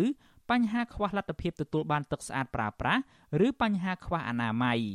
ករណីដដែលនេះបានក្លាយជាការគំរាមកំហែងកាន់តែខ្លាំងដោយសារផលប៉ះពាល់សង្គមសេដ្ឋកិច្ចដែលកំពុងបង្កដោយជំងឺ Covid-19 និងវិបត្តិនៅប្រទេសអ៊ុយក្រែនដែលកំពុងប៉ះពាល់ដល់សន្តិសុខស្បៀងពិភពលោកនិងធ្វើឲ្យតម្លៃទំនិញកើនឡើងនៅក្នុងប្រទេសកម្ពុជាបច្ចុប្បន្ននេះមានកុមារតិចជាង10%នៃកុមារប្រមាណ60000នាក់ ដែលមានបញ្ហាស្គមស្គាំងធ្ងន់ធ្ងរនៅកម្ពុជាទទួលបានសេវាព្យាបាលកាលពីខែមីនាឆ្នាំ2020ទីភ្នាក់ងារអង្គការសហប្រជាជាតិចំនួន5រួមទាំងអង្គការ UNICEF ផងបានចេញផ្សាយក្របខ័ណ្ឌសកម្មភាពសកល ស្ដីពីភាពស្គមស្គាំងធ្ងន់ធ្ងររបស់កុមារដោយមានគោលដៅពន្លឿនវឌ្ឍនភាពនៅក្នុងការកាត់បន្ថយភាពស្គមស្គាំងកុមារនៅជុំវិញពិភពលោក នៅក្នុងខែឧសភាឆ្នាំ2021កម្ពុជាបានក្លាយទៅជាប្រទេសមួយនៅក្នុងចំណោមប្រទេសនាំមុខគេចំនួន21ដែលបានបង្កើតផែនទីបង្ហាញផ្លូវដែលមានកំណត់នៅតម្រូវការថវិកាក្រោមការដឹកនាំរបស់រដ្ឋាភិបាលផែនទីបង្ហាញផ្លូវនេះបានកំណត់ចំណុចដៅនៃការកាត់បន្ថយចំនួនកុមារដែលមានរោគសញ្ញាស្គមស្គាំងធ្ងន់ធ្ងរពី10%ឲ្យមកនៅត្រឹម5%នៅត្រឹមឆ្នាំ2025ខាងមុខ។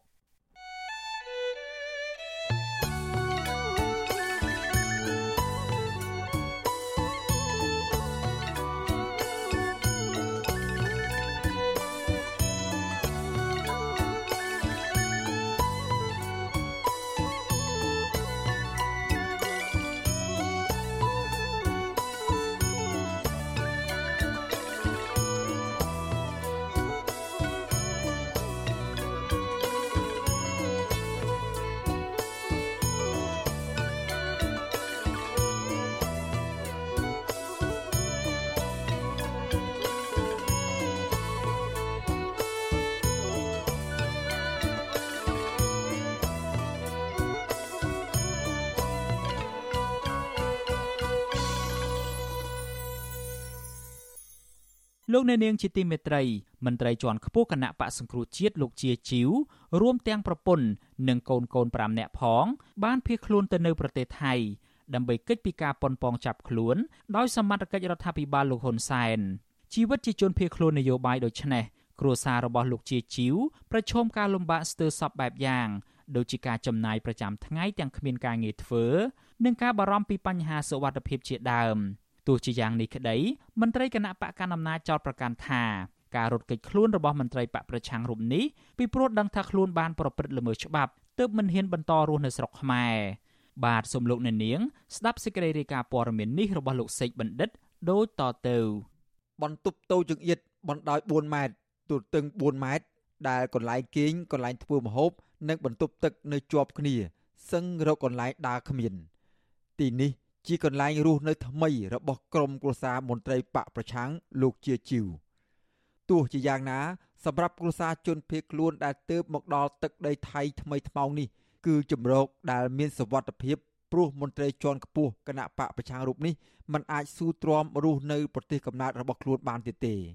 លោកជាជីវរត់ចេញពីប្រទេសសឹងមិនទាន់ព្រោះសមត្ថកិច្ចនៃរដ្ឋាភិបាលជិត20នាក់ បានទៅពាត់ផ្ទះរបស់លោក នៅខេត្តបាត់ដំបងកាលពីខែសីហាដែលក្នុងនោះគឺគាត់រុករោគក្នុងផ្ទះផងឡើងទៅលើផងទៅដីចកាខ្ញុំផងទៅផ្ទះអ៊ំស្រីខាងមុខខ្ញុំផងហើយនឹងទៅផ្ទះសាច់ញាតិខាងឆ្វេងដៃផ្ទះខ្ញុំផងដើម្បីរករោគការចាប់ខ្លួនខ្ញុំឲ្យតតែបានសាលាដំបងរាជធានីភ្នំពេញបានផ្ដន់ទាទោសលោកជាជីវ ឲ្យជាប់ពន្ធនាគារ6ឆ្នាំតាក់ទងនឹងបទចោទរួមគំនិតក្បត់សំណុំរឿងនេះតុលាការក៏ចាប់ខ្លួនអ្នកតស៊ូមតិនិងជាមេធាវីអន្តរជាតិកញ្ញាសេងធារីដាក់ពន្ធនាគារភ្លាមភ្លាមគណៈកញ្ញាកំពុងតស៊ូមតិនៅខាងមុខតុលាការលោកជាជីវអាចរួចផុតពីការប៉ុនប៉ងតាមចាប់ពីអាជ្ញាធររដ្ឋាភិបាលហ៊ុនសែននេះក៏ព្រោះតែលោកទទួលបានដំណឹងពីក្រមការងារថាលោកនឹងត្រូវគេចាប់ដាក់ពន្ធនាគារ ទើបបានធ្វើដំណើរមកព្រំដែនរួចជាស្រេចកាលពីថ្ងៃទី14ខែមិថុនាហើយនៅពេលនោះលោកក៏បានទទួលដំណឹងពីក្រមគ្រួសារថា សមត្ថកិច្ចទៅពាត់ផ្ទះទើបលោកសម្រេចចិត្តរត់ឆ្លងដែនទាំងខុសច្បាប់ចូលទៅក្នុងទឹកដីថៃក្នុងពេលហ្នឹងខ្ញុំនៅរងចាំទៀតខ្ញុំមិនហ៊ានសម្រេចចិត្តថាចេញពីទឹកដីបាត់ដំបងខ្ញុំទេខ្ញុំរងចាំមើលព្រឹត្តិការណ៍ថាតើមានព្រឹត្តិការណ៍អីទៀត ដល់ពេលឮព័ត៌មាននៃការចាប់ខ្លួនខ្ញុំនៅឯផ្ទះទើបខ្ញុំសម្រេចចេញភៀសខ្លួនពីច្រករបៀងមកដល់ទឹកដីថ្មីត្បិតលោកជាជីវនិងប្រពន្ធកូន មានសវត្ថភាពជាងមុនប៉ុន្តែទីនេះ លោកត្រូវឆ្លងកាត់ដំណើរជីវិតថ្មីព្រោះទីនេះ លោកមិនចេះភាសាថៃ និងគ្មានមុខរបរចិញ្ចឹមជីវិត គឺរំពឹងតែទៅលើលុយដែលសាច់ញាតិផ្ញើពីស្រុកខ្មែរមក ឲ្យលោកចាយវាប្រចាំថ្ងៃនិងលុយដែលសល់ពីស្រុកខ្មែរខ្លះខ្លះចំណែកកូនកូនរបស់លោកក៏មិនទាន់អាចចូលរៀនបាននៅឡើយដែរពួកគេទាំង5នាក់ត្រឹមតែអង្គុយជុំគ្នានៅក្នុងបន្ទប់ហើយពេលខ្លះពួកគេដណ្ដើមរបស់របរគ្នាលេងយំពេញបន្ទប់បាទបាទបាទគុណអូយអូពីទៅគេទៅលោកជាជីវក្រៅពីជាអ្នកនយោបាយជាន់ខ្ពស់នៅខេត្តបាត់ដំបងរបស់គណៈបកប្រឆាំង លោកក៏ធ្វើការងារនៅក្នុងក្រុមហ៊ុនឯកជនមួយកន្លែង ដែលអាចផ្ដល់ប្រាក់ខែល្អបង្គួរដែលអាចឲ្យលោកចិញ្ចឹមជីវិតប្រពន្ធកូនអាចរស់បានដោយសមរម្យបរោះមិត្តធំក្រអាញវ័យ41ឆ្នាំរូបនេះ មានកូន5នាក់ដោយកូនប្រុសច្បងអាយុ15ឆ្នាំ ចំណែកកូនពៅទើបអាយុ1ខួបនៅស្លៀកខោទឹកនោមនៅឡើយកំពុងរៀបចំបន្លែធ្វើម្ហូបសម្រាប់អាហារពេលល្ងាចប្រពន្ធលោកជាជីវគឺលោកស្រីលឿតផាណា បេះត្រកួន ចិត្តត្រប់ហាន់ស្លឹកគ្រៃលាងចានលាងសាច់គោព្រោះលោកស្រីត្រូវផ្សំគ្រឿងធ្វើសម្លម្ជូរសាច់គោលោកស្រីមិនទាន់អាចសម្របខ្លួននឹងការរស់នៅលើទឹកដីថ្មីនេះបានឡើយទេលោកស្រីរៀបរាប់ថា នៅទីនេះត្រូវចំណាយលុយច្រើនព្រោះអ្វីអ្វីត្រូវទិញគេទាំងអស់ហើយទំនិញនៅទីនេះក៏ថ្លៃថ្លៃទៀតផងពិ បាកច្រើនចឹងទៅការលុយច្រើនកូនទៅច្រើនហើយពេលយើងមកចេះកូនអត់រៀនហើយយើងពេលណាពេលខ្ញុំភ័យពីអាណាគាត់វាទៅមកខ្ញុំមកភ័យខ្លួនអត់ទេកូនខ្ញុំអត់រៀនខ្ញុំខកកូនអត់មានភាពចេះដល់លោកស្រីលឿតផាណា ថាខ្លួនលោកស្រីផ្ទាល់មិនដឹងជាត្រូវរស់នៅទីនេះ បានដល់ពេលណានោះទេគណៈប្តីរបស់លោកស្រីត្រូវបានតុលាការកាត់ទោសឲ្យជាប់ពន្ធនាគារ6ឆ្នាំឯណោះ លោកស្រីបង្ហាញអារម្មណ៍ឲ្យដឹងថា ពេលខ្លះលោកស្រីយំទាំងមិនដឹងខ្លួន ពេលស្ថិតនៅក្នុងសភាពបែបនេះប៉ុន្តែលោកស្រី នៅតែគាំទ្រប្តី ក្នុងការចូលរួមនយោបាយជាមួយនឹងគណៈបកសង្គ្រោះជាតិគ្រប់គ្រងគាត់ចូលចិត្តទៅមកគាត់ឃើញជាពលរដ្ឋប្របាគឺថាគេធ្វើបាបអីចឹងទៅហើយក្រអីចឹងទៅពេលវារបៀបថាអត់យុត្តិធម៌របស់ប្រធានប្រតិបត្តិគណៈបកសង្គ្រោះជាតិប្រចាំខេត្តបាត់ដំបងលោកជាជីវ ជាមនុស្សម្នាក់នៅក្នុងចំណោមមនុស្ស19នាក់ផ្សេងទៀតដែលត្រូវបានតុលាការកំពូលបិទសិទ្ធិមិនឲ្យធ្វើនយោបាយរយៈពេល5ឆ្នាំជាមួយនឹងប្រធានគណៈបកសង្គ្រោះជាតិលោកកំសខាកាលពីឆ្នាំ2017លោកជាជីវត្រូវសមត្ថកិច្ចចាប់ខ្លួនដាក់ពន្ធនាគារម្ដងរួចបង្ហើយកាលពីថ្ងៃទី6ខែវិច្ឆិកា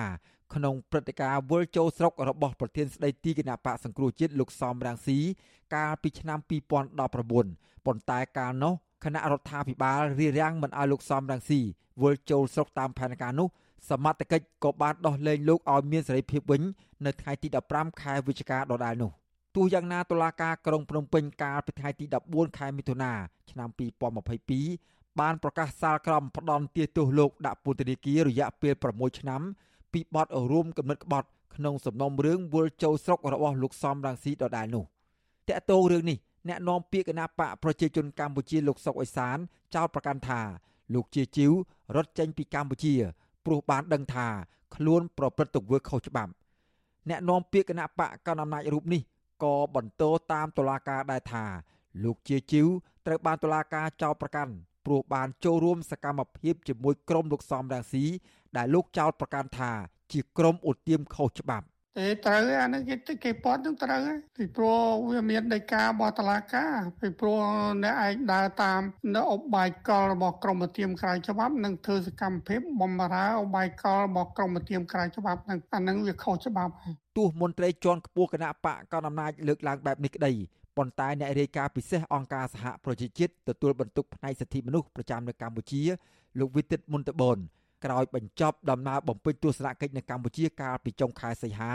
លោកបានរិះគន់ការចោទប្រកាន់និងការផ្ដន់ទាទោសរបស់តុលាការមកលើសកម្មជននយោបាយបកប្រឆាំងនិងស្នើទៅតុលាការឲ្យទម្លាក់ចោលការចោទប្រកាន់ទៅលើអ្នកនយោបាយទាំងនោះវិញ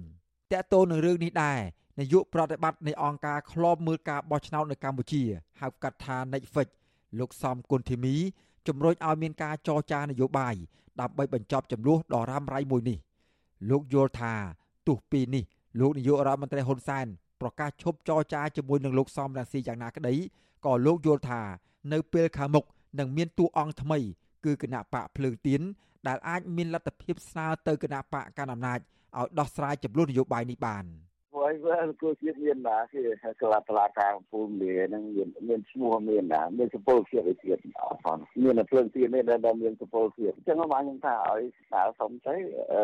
ដើម្បីឲ្យតម្លាក់បត់ចោលទៅគាត់វិញហើយឡើងមានសពលជាតិអីទៀតអីចឹងគាត់បានមកចូលរួមជាមួយភ្លើងទៀតនេះវិញបានចឹងណាបាទចាប់តាំងពីរបបក្រុងភ្នំពេញរំលាយគណៈបកសង្គ្រោះជាតិកាលពីឆ្នាំ2017មកសកម្មជនគណៈបកប្រឆាំងជាង70នាក់ បានភៀសខ្លួនទៅកាន់ប្រទេសថៃ ដើម្បីគេចចេញពីការធ្វើទុកបុកម្នេញកាលពីដើមឆ្នាំ2022រដ្ឋាភិបាលលោកហ៊ុនសែនបានសហការជាមួយនឹងសមាជិកថៃចាប់បញ្ជូនសកម្មជនគណៈបកសង្គ្រោះជាតិនិងប្រជាពលរដ្ឋដែលគាំទ្រគណៈបកនេះចំនួន5នាក់បញ្ជូនទៅឃុំខ្លួននៅក្នុងប្រទេសកម្ពុជាវិញសហគមន៍ជាតិនិងអន្តរជាតិថ្កោលទោសរដ្ឋាភិបាលលោកហ៊ុនសែនជាបន្តបន្ទាប់ថាកំពុងរំលោភសិទ្ធិមនុស្ស និងបំពានច្បាប់ដោយសារតែចង់រក្សាអំណាចតវងត្រកូលរបស់ខ្លួនងាកទៅលោកជាជីវនិងគ្រួសាររបស់លោកវិញបើទោះបីជាប្រឈមនឹងការលំបាកបែបណាក្តីក៏ពួកគាត់បដិញ្ញាតស៊ូធ្វើសកម្មភាពនយោបាយជាមួយនឹងគណៈបកសង្គ្រោះជាតិដើម្បីស្រោចស្រង់លទ្ធិប្រជាធិបតេយ្យនិងការគោរពសិទ្ធិមនុស្សនៅកម្ពុជាឲ្យរស់ឡើងវិញខ្ញុំបាទសេកបណ្ឌិតវុទ្ធុអាស៊ីសេរីពីរដ្ឋធានីវ៉ាស៊ីនតោន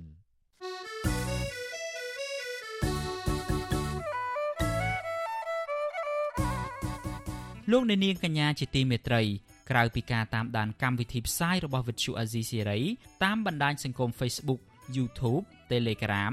លោកអ្នកនាងក៏អាចតាមដានកម្មវិធីផ្សាយរបស់យើងតាមរយៈបណ្ដាញសង្គម Instagram របស់អាស៊ីសេរីបានដែរតាមរយៈតំណ link www.instagram.com/rfa ខ្មែរអាស៊ីសេរីបន្តខិតខំផ្សព្វផ្សាយព័ត៌មានពិតទៅកាន់បងប្អូនតាមរយៈបណ្ដាញសង្គមផ្សេងៗ និងសម្បូរបែបដើម្បីឲ្យលោកអ្នកនាងងាយស្រួលតាមដានកម្មវិធីផ្សាយរបស់យើងគ្រប់ពេលវេលា និងគ្រប់ទីកន្លែងតាមរយៈទូរស័ព្ទរបស់លោកអ្នកបាទសូមអរគុណ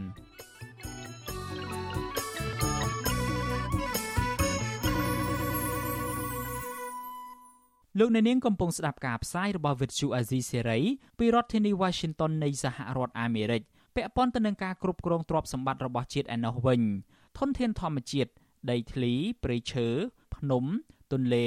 ស្ទឹងបឹងបួរនិងសមុទ្រជាដើមនោះគឺសុទ្ធសឹងតែជាទ្រព្យសម្បត្តិរបស់រដ្ឋដែលមានកំណត់នៅក្នុងរដ្ឋធម្មនុញ្ញរដ្ឋាភិបាលមានកាតព្វកិច្ចចាត់ចែងឲ្យមានផែនការច្បាស់លាស់នៅក្នុងការគ្រប់គ្រងធនធានទាំងនេះក៏ប៉ុន្តែជាច្រើនឆ្នាំមកនេះរដ្ឋាភិបាលលោកហ៊ុនសែនត្រូវបានគេមើលឃើញថាបានគ្រប់គ្រងទ្រព្យសម្បត្តិជាតិទាំងនោះមិនត្រឹមត្រូវឡើយហើយបន្តិចម្ដងបន្តិចម្ដងទ្រព្យសម្បត្តិជាតិជាច្រើនបានធ្លាក់ទៅក្នុងដៃក្រុមហ៊ុននិងបុគ្គលឯកជនទៅវិញ អ្នកជំនាញផ្នែកច្បាប់និងមន្ត្រីអង្គការសង្គមស៊ីវិលលើកឡើងស្របគ្នាថាកម្ពុជាក្រោមការគ្រប់គ្រងរបស់លោកហ៊ុនសែនកំពុងតែបោះជំហានទៅរកសង្គមសក្តិភូមិដែលមន្ត្រីក្រាក់ក្រាក់និងអ្នកមានលុយមានអំណាចច្បាមយកទ្រព្យសម្បត្តិជាតិតាមវិធីងាយងាយនេះគឺដោយសារតែកម្ពុជាគ្មានច្បាប់អនុប្រយោគដែលបើកលទ្ធភាពឲ្យនាយករដ្ឋមន្ត្រីចាត់ចែងទ្រព្យសម្បត្តិជាតិដោយគ្មានការត្រួតពិនិត្យ អ្នកជំនាញផ្នែកច្បាប់និងជាអ្នកវិភាគនយោបាយចាស់វសាបណ្ឌិតឡៅម៉ុងហៃមានប្រសាសន៍ថាការគ្រប់គ្រងទ្រព្យសម្បត្តិរបស់ជាតិបានល្អទៅបាន គឺគេចាំបាច់ត្រូវតែមានច្បាប់អនុប្រយោគអនុលោមតាមច្បាប់ភូមិបាលឆ្នាំ2001លោកបញ្យល់ថាច្បាប់អនុប្រយោគនេះនឹងជួយឲ្យការចាត់ចែងទ្រព្យសម្បត្តិរបស់ជាតិមានភាពត្រឹមត្រូវ និងមានតម្លាភាព ជាពិសេសបានឆ្លងកាត់តាមយន្តការសភា ពាក់ព័ន្ធនឹងសម្បត្តិសាធារណៈរបស់រដ្ឋវាត្រូវមានច្បាប់អនុប្រយោគមួយ ដែលសភាអនុម័តព្រោះអានេះដីនេះគឺដីរបស់រដ្ឋសម្បត្តិរបស់ជាតិទាំងមូលដល់ហើយគឺក៏ត្រូវឲ្យគេដឹងឮយើងអត់ធ្វើអញ្ចឹងទេយើងច្រូតកាត់តែម្ដងបាទដូច្នេះគេអាចសន្និដ្ឋានណាព្រោះអានោះរួមធំហើយធ្ងន់ធ្ងរទៅទៀតបាទ អាហ្នឹងគេធ្វើឲ្យមានការងាយស្រួលទៅដល់ដែលការដណ្ដើមយកដីដែលសាធារណៈរបស់រដ្ឋហ្នឹងទៅកាន់កាប់ជាសម្បទានក្តីជាការជួលក្តីហើយក៏គេមិនដឹងទៅទៀតថាឥឡូវនេះជាពិសេសតំបន់បង្កក់នៅភ្នំពេញនេះតើវានៅជាដីឯកជនរបស់រដ្ឋឬក៏ដីកម្មសិទ្ធិឯកជនរបស់អ្នកកាន់កាប់សប្តាហ៍ថ្ងៃនេះ ច្បាប់ភូមិបាលឆ្នាំ2001ចែងថាការបំលែងទ្រព្យសម្បត្តិសាធារណៈរបស់រដ្ឋទៅជាទ្រព្យសម្បត្តិឯកជនរបស់រដ្ឋនោះវិញគឺត្រូវធ្វើឡើងតាមរយៈច្បាប់អនុប្រយោគទោះជាយ៉ាងណា នៅក្នុងរយៈពេលជាង20ឆ្នាំមកនេះ រដ្ឋាភិបាលលោកហ៊ុនសែនមិនព្រមបង្កើតច្បាប់ដ៏សំខាន់នេះឡើយហើយការធ្វើអនុប្រយោគធ្វើឡើងត្រឹមតែអនុក្រឹត្យរបស់នាយករដ្ឋមន្ត្រីដោយយោងទៅតាមព្រះរាជក្រឹត្យស្ដីពីគោលការណ៍និងបទបញ្ញត្តិអន្តរកាលនៃការធ្វើអនុប្រយោគទ្រព្យសម្បត្តិសាធារណៈរបស់រដ្ឋនិងនីតិបុគ្គលសាធារណៈចុះកាលពីខែសីហាឆ្នាំ2006នោះជំនួសវិញនាយកប្រតិបត្តិអង្គការពន្លកខ្មែរលោកប៉ាក់សុភ័ណ្ឌថ្លែងថា ការមិនបង្កើតច្បាប់ហើយយកអនុក្រឹត្យរបស់នាយករដ្ឋមន្ត្រីមកប្រើជំនួសច្បាប់បែបនេះគឺជាការអនុវត្តមិនត្រឹមត្រូវឡើយលោកក៏សម្គាល់ថាផលវិបាកដ៏ធំដែលកើតចេញអំពីចន្លោះប្រហោងនៃច្បាប់និងការអនុវត្តនេះបង្កើតឲ្យមានជាទំនាស់ដីធ្លីនិងការច្បាមយកទ្រព្យសម្បត្តិជាតិគក្រឹកគក្រែង ទំនាស់ដីធ្លីព្រៃឈើធនធានធម្មជាតិនឹងវានៅតែកើតមានអញ្ចឹងទៅរហូតដោយសារតែការចេញអនុក្រឹត្យហ្នឹងឯងហើយដល់ការចេញអនុក្រឹត្យហ្នឹងវាមិនមែនប្រកាសថាត្រឹមត្រូវទេណាទី1គឺវាខុសនីតិវិធីទី2ការចេញអនុក្រឹត្យម្ដងទៅលុបអនុក្រឹត្យមុខភាពអនុក្រឹត្យវិញទៅចេញអនុក្រឹត្យមួយផ្សេងទៀតអាហ្នឹងដែលវាកាន់តែខុសទៅហើយកោសម្ដងទៀតហើយម្ដងទៀតជុំវិញរឿងនេះ អ្នកនាំពាក្យក្រសួងរៀបចំដែនដីនគររូបនីយកម្មនិងសំណង់លោកសេងលូតបានថ្លែងនៅក្នុងសន្និសីទសារព័ត៌មានកាលពីថ្ងៃទី23សីហាថារដ្ឋាភិបាលធ្វើអនុប្រយោគទ្រព្យសម្បត្តិរបស់ជាតិជាពិសេសដីធ្លីដើម្បីជាប្រយោជន៍ដល់ប្រជាពលរដ្ឋនិងការអភិវឌ្ឍមុននឹងធ្វើអនុប្រយោគដីដែលពាក់ព័ន្ធជាមួយបឹងក៏ដោយព្រៃក៏ដោយសុទ្ធតែមានការចុះពិនិត្យជាក់ស្ដែងចុះយកនិយមការច្បាស់លាស់ទើបសម្រេចស្នើសុំទៅរាជរដ្ឋាភិបាលធ្វើអនុប្រយោគ ហើយបើនិយាយមិញថាចង់និយាយពីបឹងតមោកហើយបើបឹងតមោកចាំបាច់លើកនៅទីនេះធ្វើអីបើសម្ដេចតេជោនយុរដ្ឋមន្ត្រីលោកបានមានប្រសាសន៍នៅក្នុងវេទិកាជាច្រើន ការធ្វើអនុប្រយោគដើម្បីធ្វើការពិវត្តមន្ត្រីអង្គការសង្គមស៊ីវិលលើកឡើងថាការបកស្រាយរបស់មន្ត្រីតំណាងក្រសួងដែនដីនេះគឺគ្រាន់តែជាការការពារខ្លួនប៉ុណ្ណោះពីព្រោះការអនុវត្តជាក់ស្ដែងមិនមែនបែបនោះឡើយការអនុវត្តកន្លងទៅ គឺរដ្ឋាភិបាលកាត់ជ្រៀល ដោះដូរឬលក់ដូរទ្រព្យសម្បត្តិជាតិតាមតែអំពើចិត្តបើទោះបីជាទ្រព្យសម្បត្តិជាតិទាំងនោះកំពុងបម្រើប្រយោជន៍សាធារណៈយ៉ាងណាក្តីជាឧទាហរណ៍ការផ្ដល់សម្បត្តិដីបង្កក់ប្រមាណ90ហិកតាឲ្យទៅក្រុមហ៊ុនឯកជនរយៈពេល99ឆ្នាំការកាត់ដីបឹងតាមុកជាង2000ហិកតាជាជំរាកជំរាកឲ្យទៅក្រសួងស្ថាប័នរដ្ឋវិស័យឯកជនមន្ត្រីរដ្ឋាភិបាល និងសាច់ញាតិរបស់ពួកគេការកាត់ដីបឹងទន្លេបាទីជាង200ហិកតាឲ្យវិស័យឯកជន ការកាត់ដីគម្របព្រៃឈើរាប់រយរាប់ពាន់ហិកតាដើម្បីផ្ដល់ឲ្យក្រុមហ៊ុននិងបុគ្គលឯកជនហើយជាពិសេសទៅទៀតនោះគឺការផ្ដល់ដីសម្បត្តិសេដ្ឋកិច្ចលើសពី1លាន5សែនហិកតាទូទាំងប្រទេសដល់ក្រុមហ៊ុនឯកជនជាមួយនឹងកិច្ចសន្យារយៈពេលវែងតាក់ទងទៅនឹងរឿងនេះអ្នកនាំពាក្យរដ្ឋសភាលោកលេងពេញឡុងថ្លែងថាកម្ពុជាមិនទាន់មានច្បាប់អនុប្រយោគនេះនៅឡើយទេហើយក៏មិនធ្លាប់មានតំណាងរាស្ត្រណាម្នាក់ស្នើបង្កើតច្បាប់នេះដែរក៏ប៉ុន្តែនៅពេលសាកសួរថា តើរដ្ឋសភានឹងផ្ដួចផ្ដើមបង្កើតច្បាប់ដ៏សំខាន់នេះដែរឬទេលោកលេងពេញឡុងឆ្លើយតបថារឿងនេះគឺអាស្រ័យទៅលើរដ្ឋាភិបាលទៅវិញការរដ្ឋបាលលោកធ្វើអនុប្រយោគកន្លែងនេះកន្លែងនោះអីលោកសម្រាប់លោកធ្វើលោកប៉ុន្តែច្បាប់យើងមិនទាន់មានច្បាប់អនុប្រយោគទេណាជារឿងរឿងអ្នកនយោបាយពីតារឿងច្បាប់ធ្វើដោយអ្នកនយោបាយទោះជាយ៉ាងណាបណ្ឌិតឡាវម៉ុងហៃមើលឃើញថារដ្ឋាភិបាលបច្ចុប្បន្ននេះគ្មានចេតនាបង្កើតច្បាប់អនុប្រយោគនេះទេ ហើយកម្ពុជាកំពុងតែក្លាយជាបណ្ដាបណ្ដាទៅជាប្រទេសសក្តិភូមិភាពងាយស្រួលដល់ការដណ្ដើមយកដីសាធារណៈរបស់រដ្ឋហ្នឹងទ្រព្យសម្បត្តិរបស់ជាតិហ្នឹងយូរយូរទៅប្រមូលគុំទៅលើដៃដែលគ្រួសារអ្នកធំអ្នកធំអ្នកមានអំណាចអ្នកមានសម្បត្តិហ្នឹងទៅឬបច្ចុប្បន្នឃើញដូចចេះគេសង្គមហ្នឹងណាបានคล้ายទៅជាសង្គមម្ដែងសក្តិភូមិបាទ មានតែគ្រួសារមួយចំនួនយើងមានដីធ្លីធំធំបាទព្រោះគេដែលអ្នកអត់ដីធ្លីក៏កាន់តែច្រើនទៅកាលពីចុងឆ្នាំ2020រដ្ឋាភិបាលលោកហ៊ុនសែនបានបង្កើតច្បាប់ស្តីពីការគ្រប់គ្រងការប្រើប្រាស់និងការចាត់ចែងលើទ្រព្យសម្បត្តិរដ្ឋក៏ប៉ុន្តែទោះជាមានច្បាប់នេះក្តី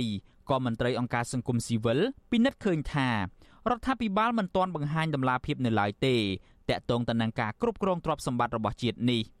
ប្រធានផ្នែកកម្មវិធីស្រាវជ្រាវនិងតស៊ូមតិនៃសមាគមបណ្ដាញយុវជនកម្ពុជាហៅកាត់ថា CYN លោកហេងកំហុងថ្លែងថាធនធានធម្មជាតិដីធ្លីព្រៃឈើបឹងបួរនិងសមុទ្រជាដើមនោះគឺជាទ្រព្យសម្បត្តិរួមរបស់ប្រជាពលរដ្ឋខ្មែរដែលមិនគួរคล้ายជាកម្មវត្ថុនៃការបែងចែកការដោះដូរឬផ្ដល់ជាកម្មសិទ្ធិឲ្យទៅឯកជនដោយពេលបច្ចុប្បន្ននេះឡើយលោករំពឹងថា រដ្ឋាភិបាលអាណត្តិក្រោយៗទៀតនឹងពិចារណាឡើងវិញតាក់ទងទៅនឹងការគ្រប់គ្រងទ្រព្យសម្បត្តិជាតិទាំងនេះប្រកបដោយតម្លាភាពនិងត្រឹមត្រូវទៅតាមច្បាប់ ការធ្វើអនុប្រយោគគួរតែសម្រេចដោយសភាជាតិតែម្ដងពីព្រោះដីសាធារណៈរដ្ឋគឺជាដីដែលមានសក្តានុពលសំខាន់ណាស់ដែលបម្រើផលប្រយោជន៍ដល់គ្រប់គ្នាមិនមែនតែបុគ្គលឬក៏ក្រុមណាមួយទេទី2ខ្ញុំនៅតែទទូចថាតំបន់ទាំងឡាយណាដែលមានអត្តសញ្ញាណបេតិកភណ្ឌវប្បធម៌ជាហោករណីដូចជាតំបន់ភ្នំតាម៉ៅហើយទលេបាទីនេះខ្ញុំយល់ថាมันគួរណាមានការធ្វើអនុប្រយោគទាល់តែសោះ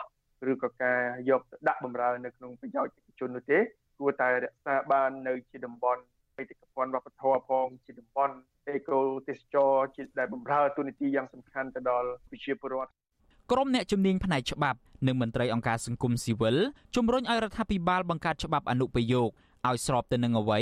ដែលមានចែងនៅក្នុងច្បាប់ភូមិបាលឆ្នាំ2001និងច្បាប់ពាក់ព័ន្ធដទៃទៀតដើម្បីធានាថា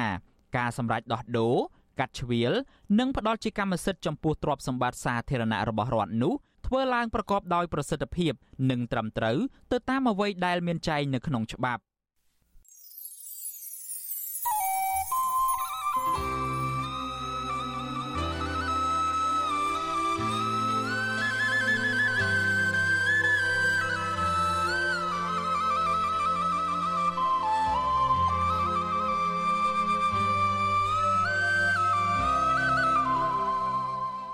លោកអ្នកនាងជាទីមេត្រី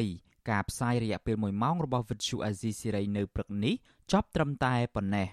យើងខ្ញុំសូមជូនពរដល់លោកអ្នកនាងព្រមទាំងក្រុមគ្រួសារទាំងអស់ឲ្យជួបប្រកបតែនឹងសេចក្តីសុខចម្រើនរុងរឿងកំបីគ្លៀងគ្លាតឡើយខ្ញុំបាទយ៉ងច័ន្ទដារាព្រមទាំងក្រុមការងារទាំងអស់នៃវិទ្យុអាស៊ីសេរីសូមអរគុណនិងសូមជម្រាបលា